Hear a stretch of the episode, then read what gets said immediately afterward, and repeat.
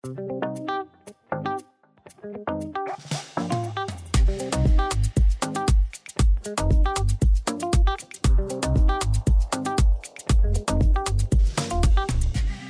och välkommen till Stadsutvecklingspodden.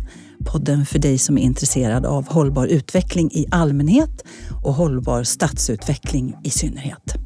I den här podden pratar vi om och väcker frågor kring allt som har med stadsutveckling att göra. I det här avsnittet riktar vi allt fokus på hur vi shoppar, eller kanske inte shoppar, och vad det får för konsekvenser för staden. Podden görs av Institutet för hållbar stadsutveckling i Malmö som är en samverkansplattform för Malmö universitet och Malmö stad. Och tanken är att forskare och de som jobbar med hållbarhetsfrågor i kommunen möts här, byter tankar och idéer som leder till, just det, hållbar stadsutveckling. Och det är precis det den här podden också ska göra. Inspirera, väcka tankar och frågor. Jag som leder samtalet är journalist och heter Agneta Nordin.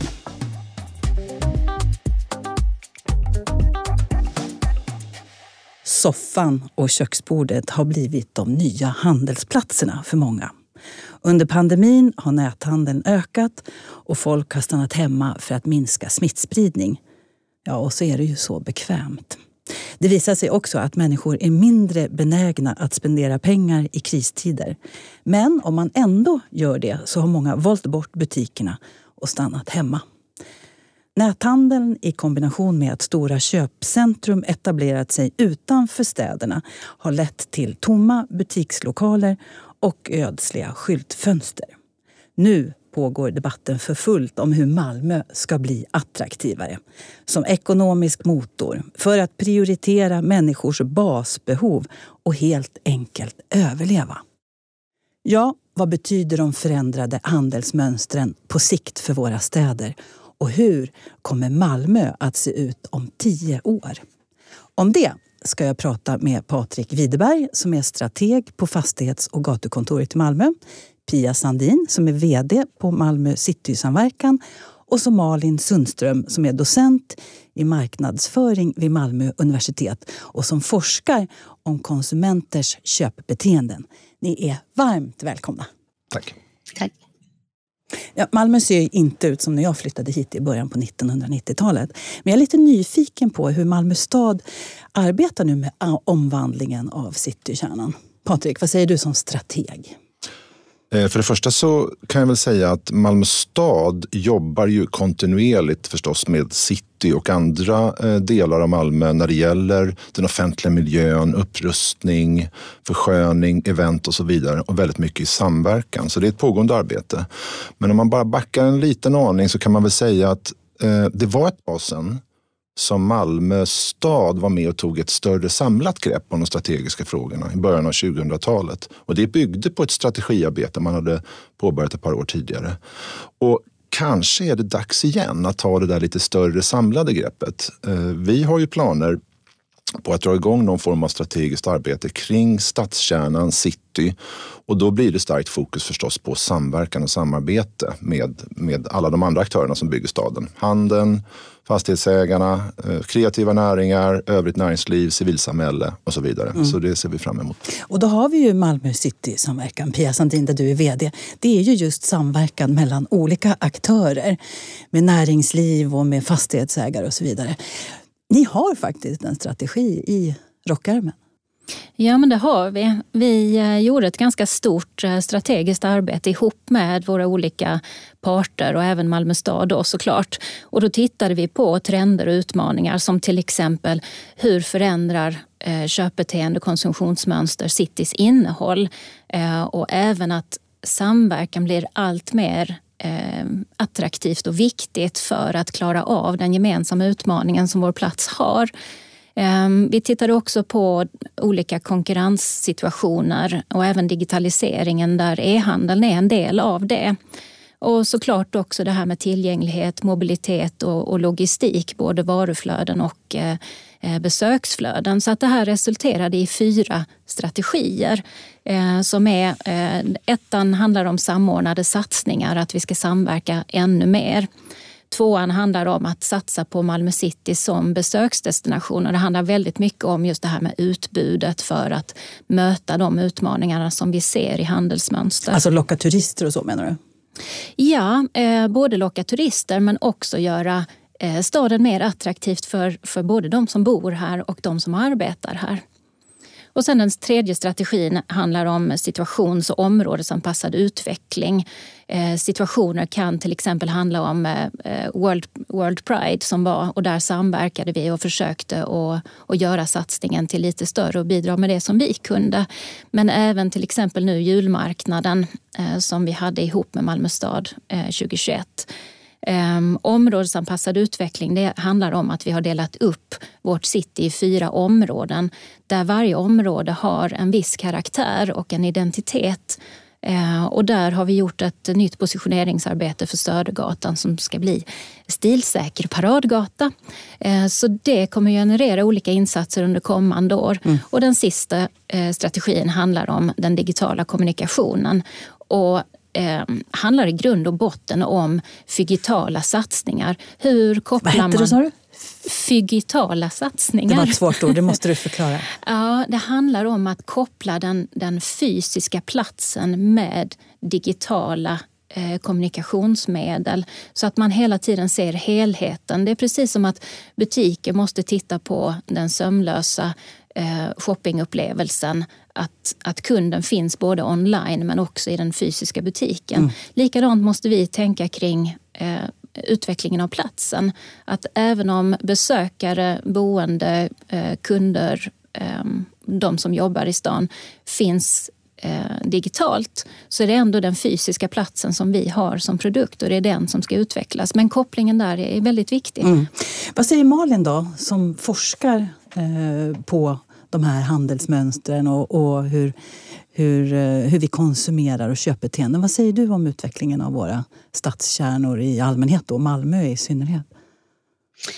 Ja, alltså jag brukar ibland säga så här när det gäller just detaljhandel.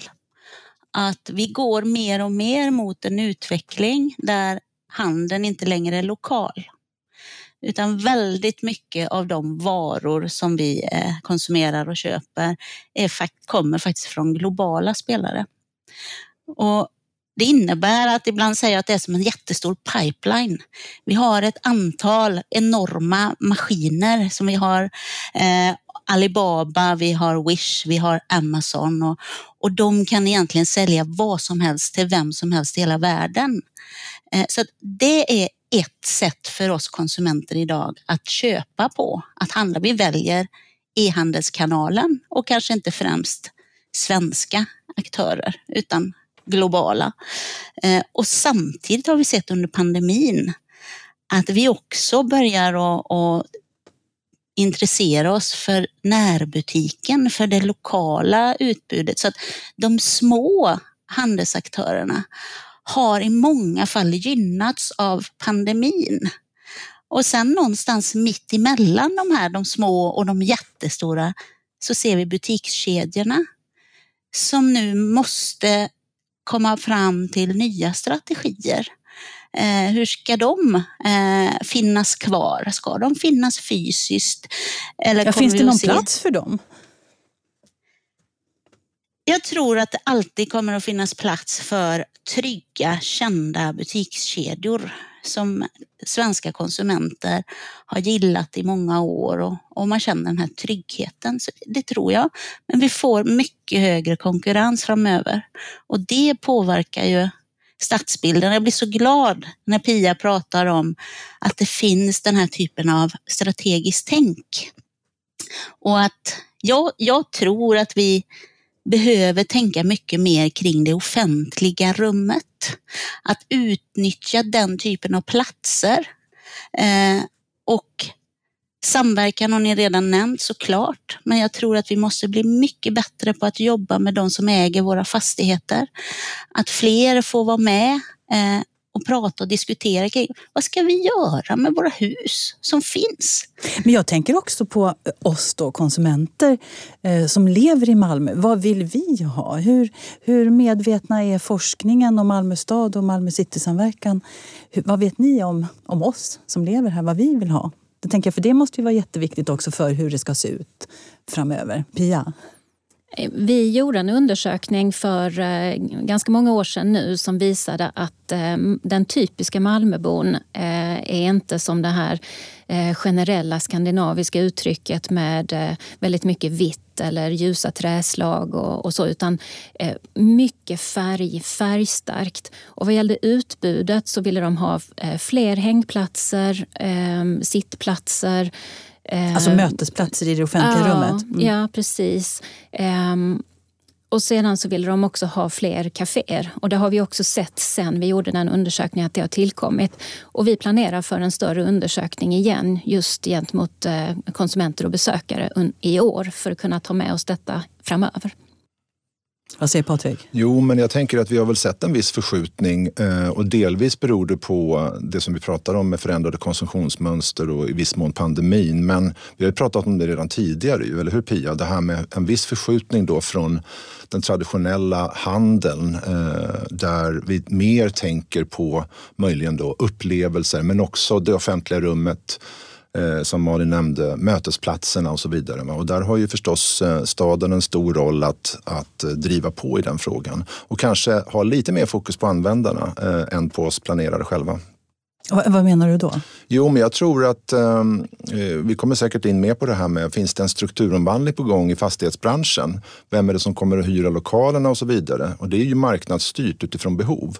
Kan det vara så att framtidens mötesplatser i det offentliga rummet också drivs mer vad de ska innehålla av användarna, besökarna i city och så vidare? Det tycker jag vore spännande. Ja, men då tänker jag på alla de här tomma eh, butikslokalerna och, och, och gapande skyltfönstren som jag pratade om i början. där. Eh, skulle det kunna vara möjliga platser där man då har upplevelser istället för, för butiker? Mm, absolut, tycker jag. Eh, vi ser ju redan att vi, vi har faktiskt väldigt duktiga fastighetsägare i Malmö som, som tänker väldigt strategiskt kring utbudet eh, och tittar också på det här med kulturdriven stadsutveckling och försöker ta in eh, andra former av hyresgäster än den traditionella eh, sällanköpshandeln. Eh, och vi har ju bara den senaste tiden fått eh, ganska många sådana här nya koncept som Disgusting Food Museum. Eh, vi har fått Polestar på Södertull nu och det finns, finns fler exempel. Så att jag, jag tror att det kommer att gå över mer åt det hållet. Och ja, som sagt, fastighetsägarna jobbar med mm. det. Vad tittar ni på då Malin i forskningsvärlden när det gäller Eh, de här förändrade, eller det förändrade utseendet av, av stadskärnorna när det gäller tomma butiksytor och vad som stan kommer att fyllas med? Oj. Eh, man måste ha klart för sig att den här typen av forskning eh, just kring centrumutveckling, där kommer vi forskare från väldigt många olika discipliner. Vi har de mer traditionella forskarna som kanske tittar på, alltså som är kulturgeografer som tittar på rörelsemönster och vi har beteendevetare. Men sen har vi också lite intressanta nya forskare som kommer in med sitt perspektiv. Eh, etnologer, sociologer och så vidare. Så där händer det jättemycket just nu och det finns inte en bild utan många bilder. Eh, Eftersom jag själv är företagsekonom så inspireras ju jag lite grann av den typen av eh, forskningsfilosofi. Och jag själv är lite förtjust i eh, Johan Anselmssons tankar. Eh, han finns ju på Ekonomihögskolan i Lund där han bland annat säger att vi kanske inte ska ha det här stora fokuset på att prata om mötesplats hela tiden.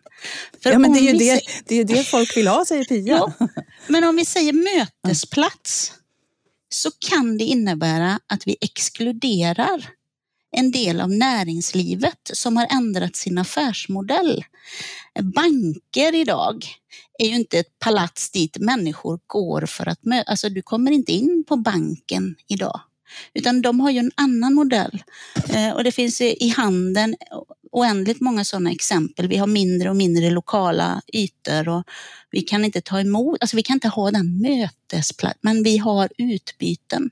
Eh, och om vi sätter en Instabox eller Postnords eh, e-handelsbox på en offentlig plats, eh, då blir ju det en typ av utbytestransaktion. Men på en offentlig plats får vi rum med många, men inte inne i entrén på Coop.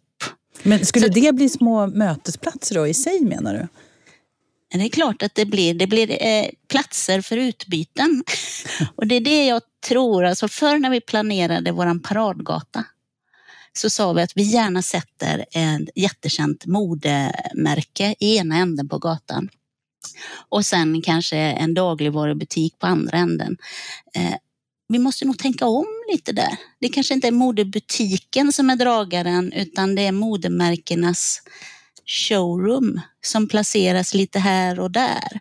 Och sen har vi e-handelns leveransmöjligheter.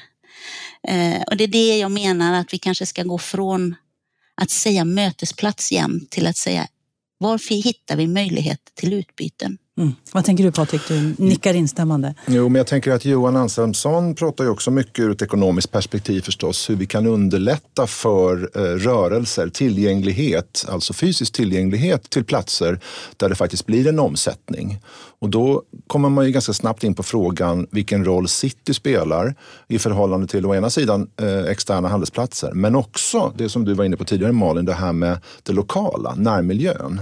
Och där finns mycket spännande att säga hur vad ska man säga, stadsplaneringen bidrar men också människors behov och beteende. Handlar det också om rörelsemönster och förändrade rörelsemönster beroende ja. på hur det ser ut? Ja men det tror jag. Jag tror att eh, å ena sidan så har vi, city kommer alltid vara en målpunkt i någon mån. Eh, nästan, kanske inte helt oavsett vilket innehåll men det kommer att vara en målpunkt. Det är ett skyltfönster också. Men eh, många kommer att välja att befinna sig i, de, i den lokala närmiljön.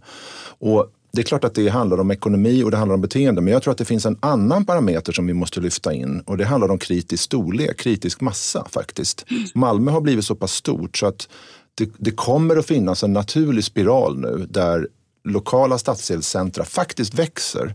Alltså Limhamn, Rosengård. Möllevången. Ja men och så vidare. Mm. Och på sikt också Nyhamnen och så vidare. Malmö växer och det betyder också någonting. Så att det måste finnas ett klokt samspel i den här flerkärnigheten och tillgängligheten är superviktig.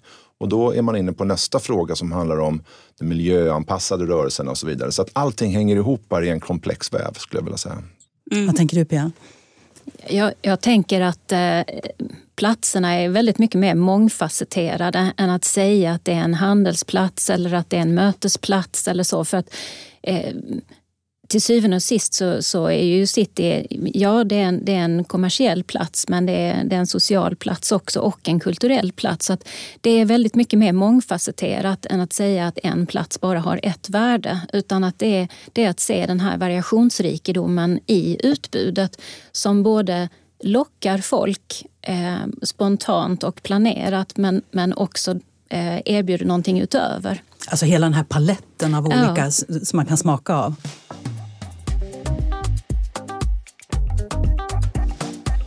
Du lyssnar på Stadsutvecklingspodden.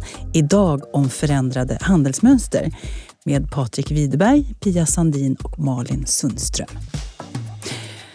Ehm, ja, vi pratar om förändrade handelsmönster och om hur staden kommer att se ut. Ehm, man pratar om någonting som kallas 15 minuters eller kvartersstaden. Och du var inne lite grann på det Patrik, det här med att vi kommer att, Malmö växer så och det kommer att bli olika små centra där vi möts. Men Tanken med 15 minutersstaden är att man ska ha väldigt nära till ja, det man behöver. Att man inte ska behöva transportera sig med bil. Men det finns ju också kritiker till den här idén. Det vill säga att men det, blir, det ökar på segregationen. Mm. Vad tänker ni om det? Vad tänker, vad tänker Malin till exempel? Ja, alltså både och, tänker jag. Ehm, jag tror att idén om 15 minuter staden är mycket mer görbar nu än vad det var för några år sedan. Och det beror framför allt på att vi har fått in nya aktörer eh, i logistik och, och handelsnäringen. Eh, där vi ser att man faktiskt på ett hållbart sätt och på ett snabbt sätt kan lösa leveransproblematik, leveransutmaningar som vi inte kunde tidigare. Jag kan ta ett exempel som kan vara lite känsligt för en del, eh, är inte jätteförtjusta i Fodora. Eh, men Fodoras sätt att distribuera eh, när de började var ju eh, snabbmat, mat, färdigmat. Men idag så köper de ju på sig eh, eh, och tar hyreskontrakt för att kunna också leverera bland annat dagligvaror. Eh, och de levererar snabbt eh, och det innebär ju att människor som då tidigare, vi hade ju ett argument för det med 15 minutersstaden, men tänk de som inte orkar bära eller som måste ha en bil för att ta sig fram. Helt plötsligt så, så finns det möjligheter. Å andra sidan kostar den typen av tjänster såklart.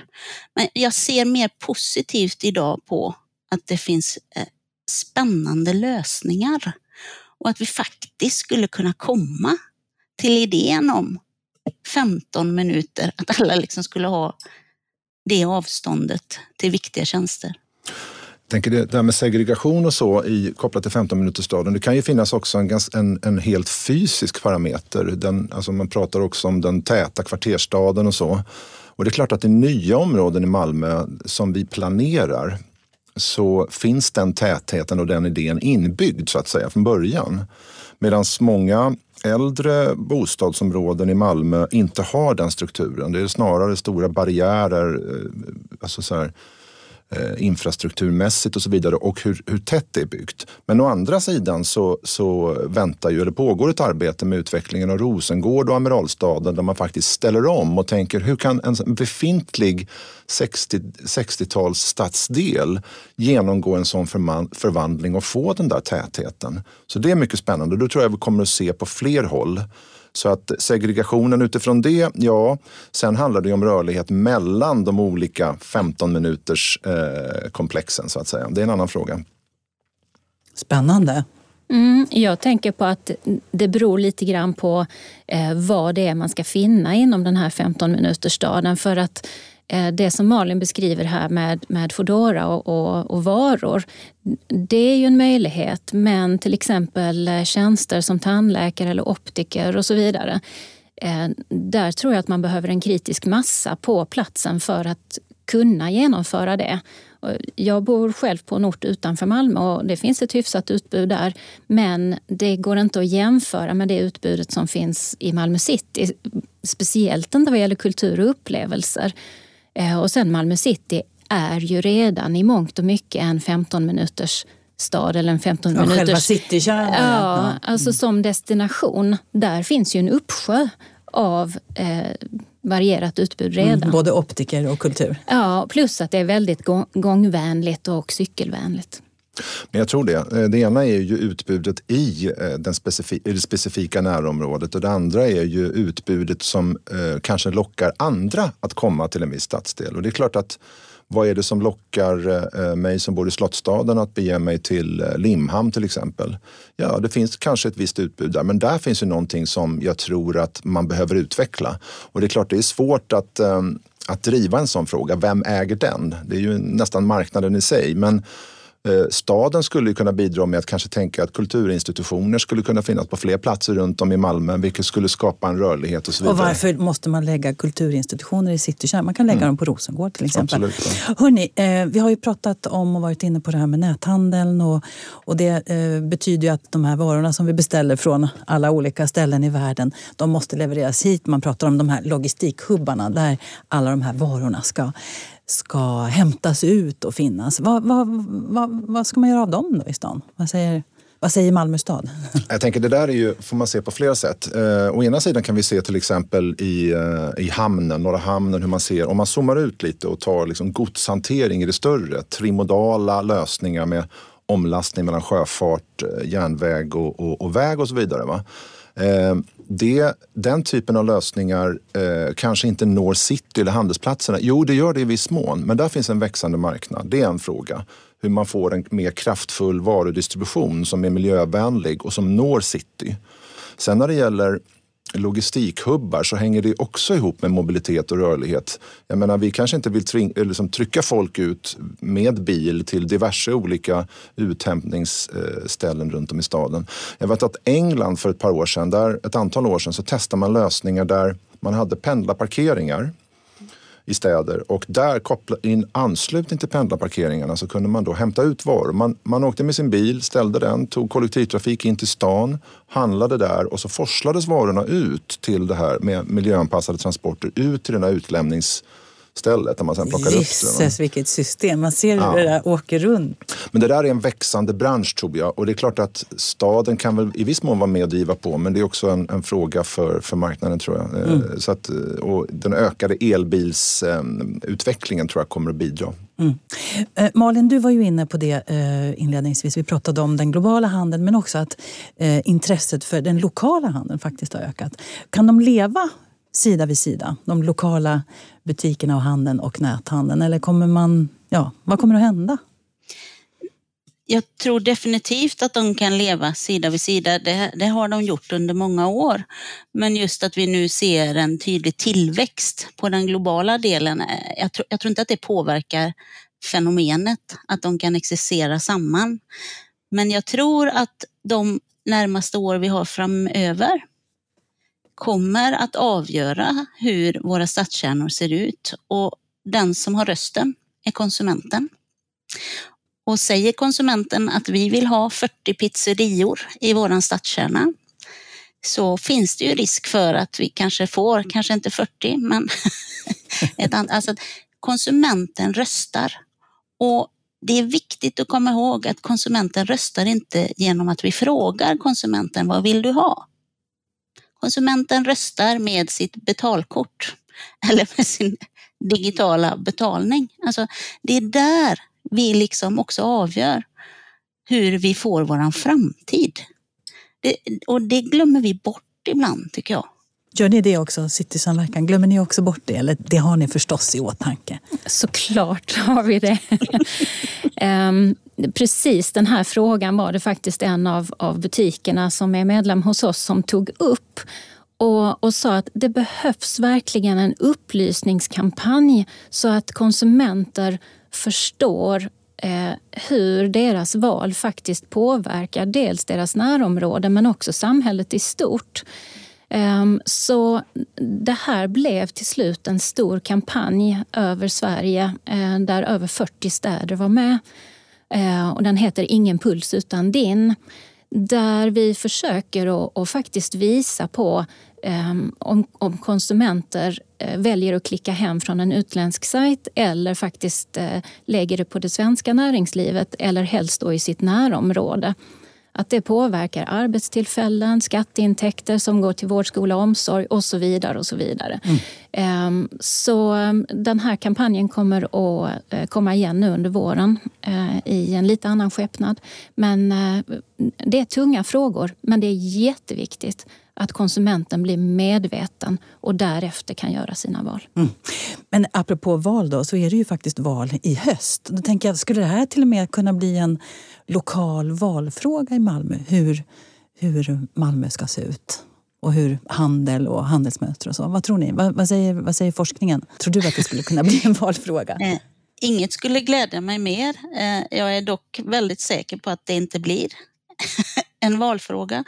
Eh, och nu låter jag lite både gammal och bitter, men min erfarenhet är tyvärr att våra beslutsfattare har en ganska låg kunskap om hur handel har förändrats och hur hand, modern handel ser ut.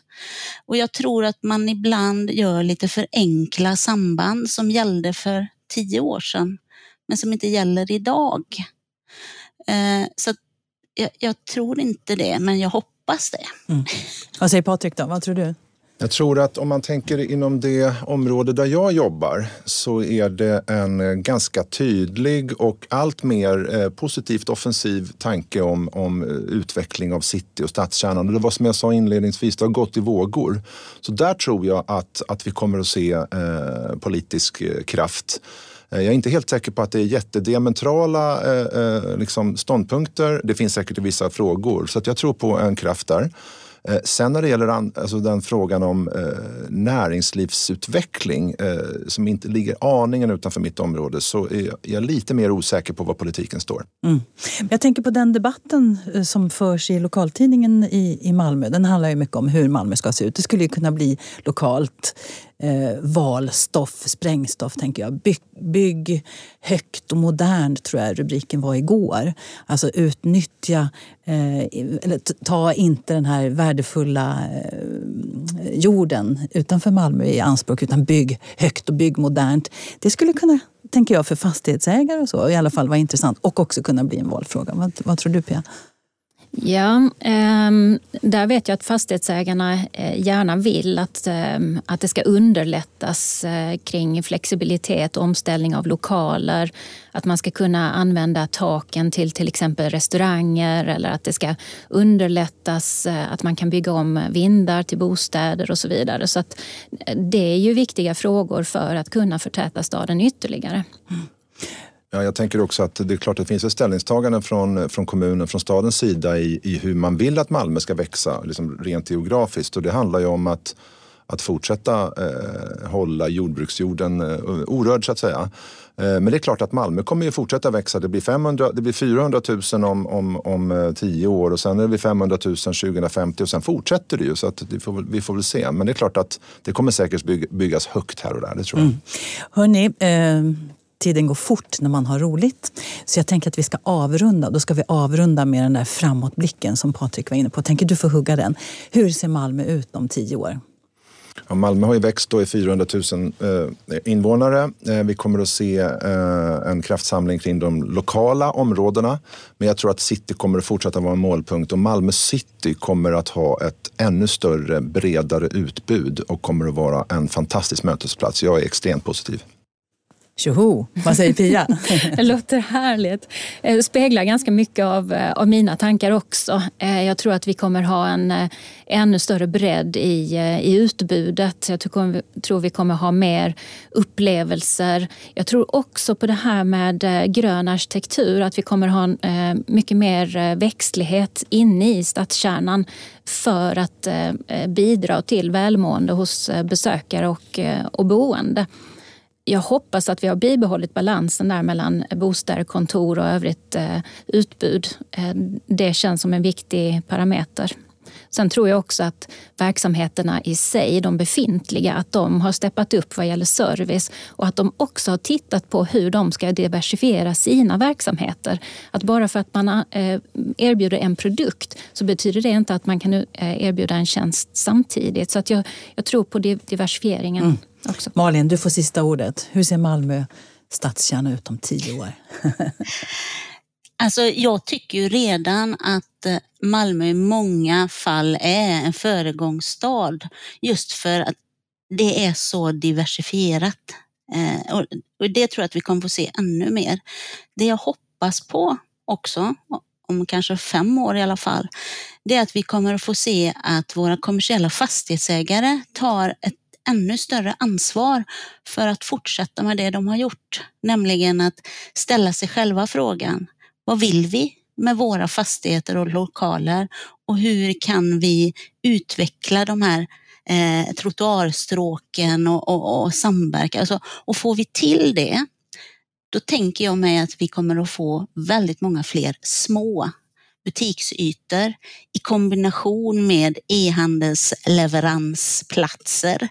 Eh, och vi kommer få se ett annat sätt eh, vad gäller våra inköpsvanor som förhoppningsvis också främjar i gemenskap och utbyten. Det låter ju väldigt hoppfullt och väldigt spännande. Och den som lever får se om tio år om ni har rätt. Kommer vi tillbaka då? Ska vi säga så så länge? Yep. Ja. Toppen. Tack så hemskt mycket Malin Sundström, Malmö universitet, Pia Sandin, Malmö Citysamverkan och Patrik Widerberg, Malmö stad. Stadsutvecklingspodden görs av Institutet för hållbar stadsutveckling i Malmö. Det är produktionsbolaget Umami som producerar och jag som leder samtalen är journalist och heter Agneta Nordin. Vi hörs snart igen.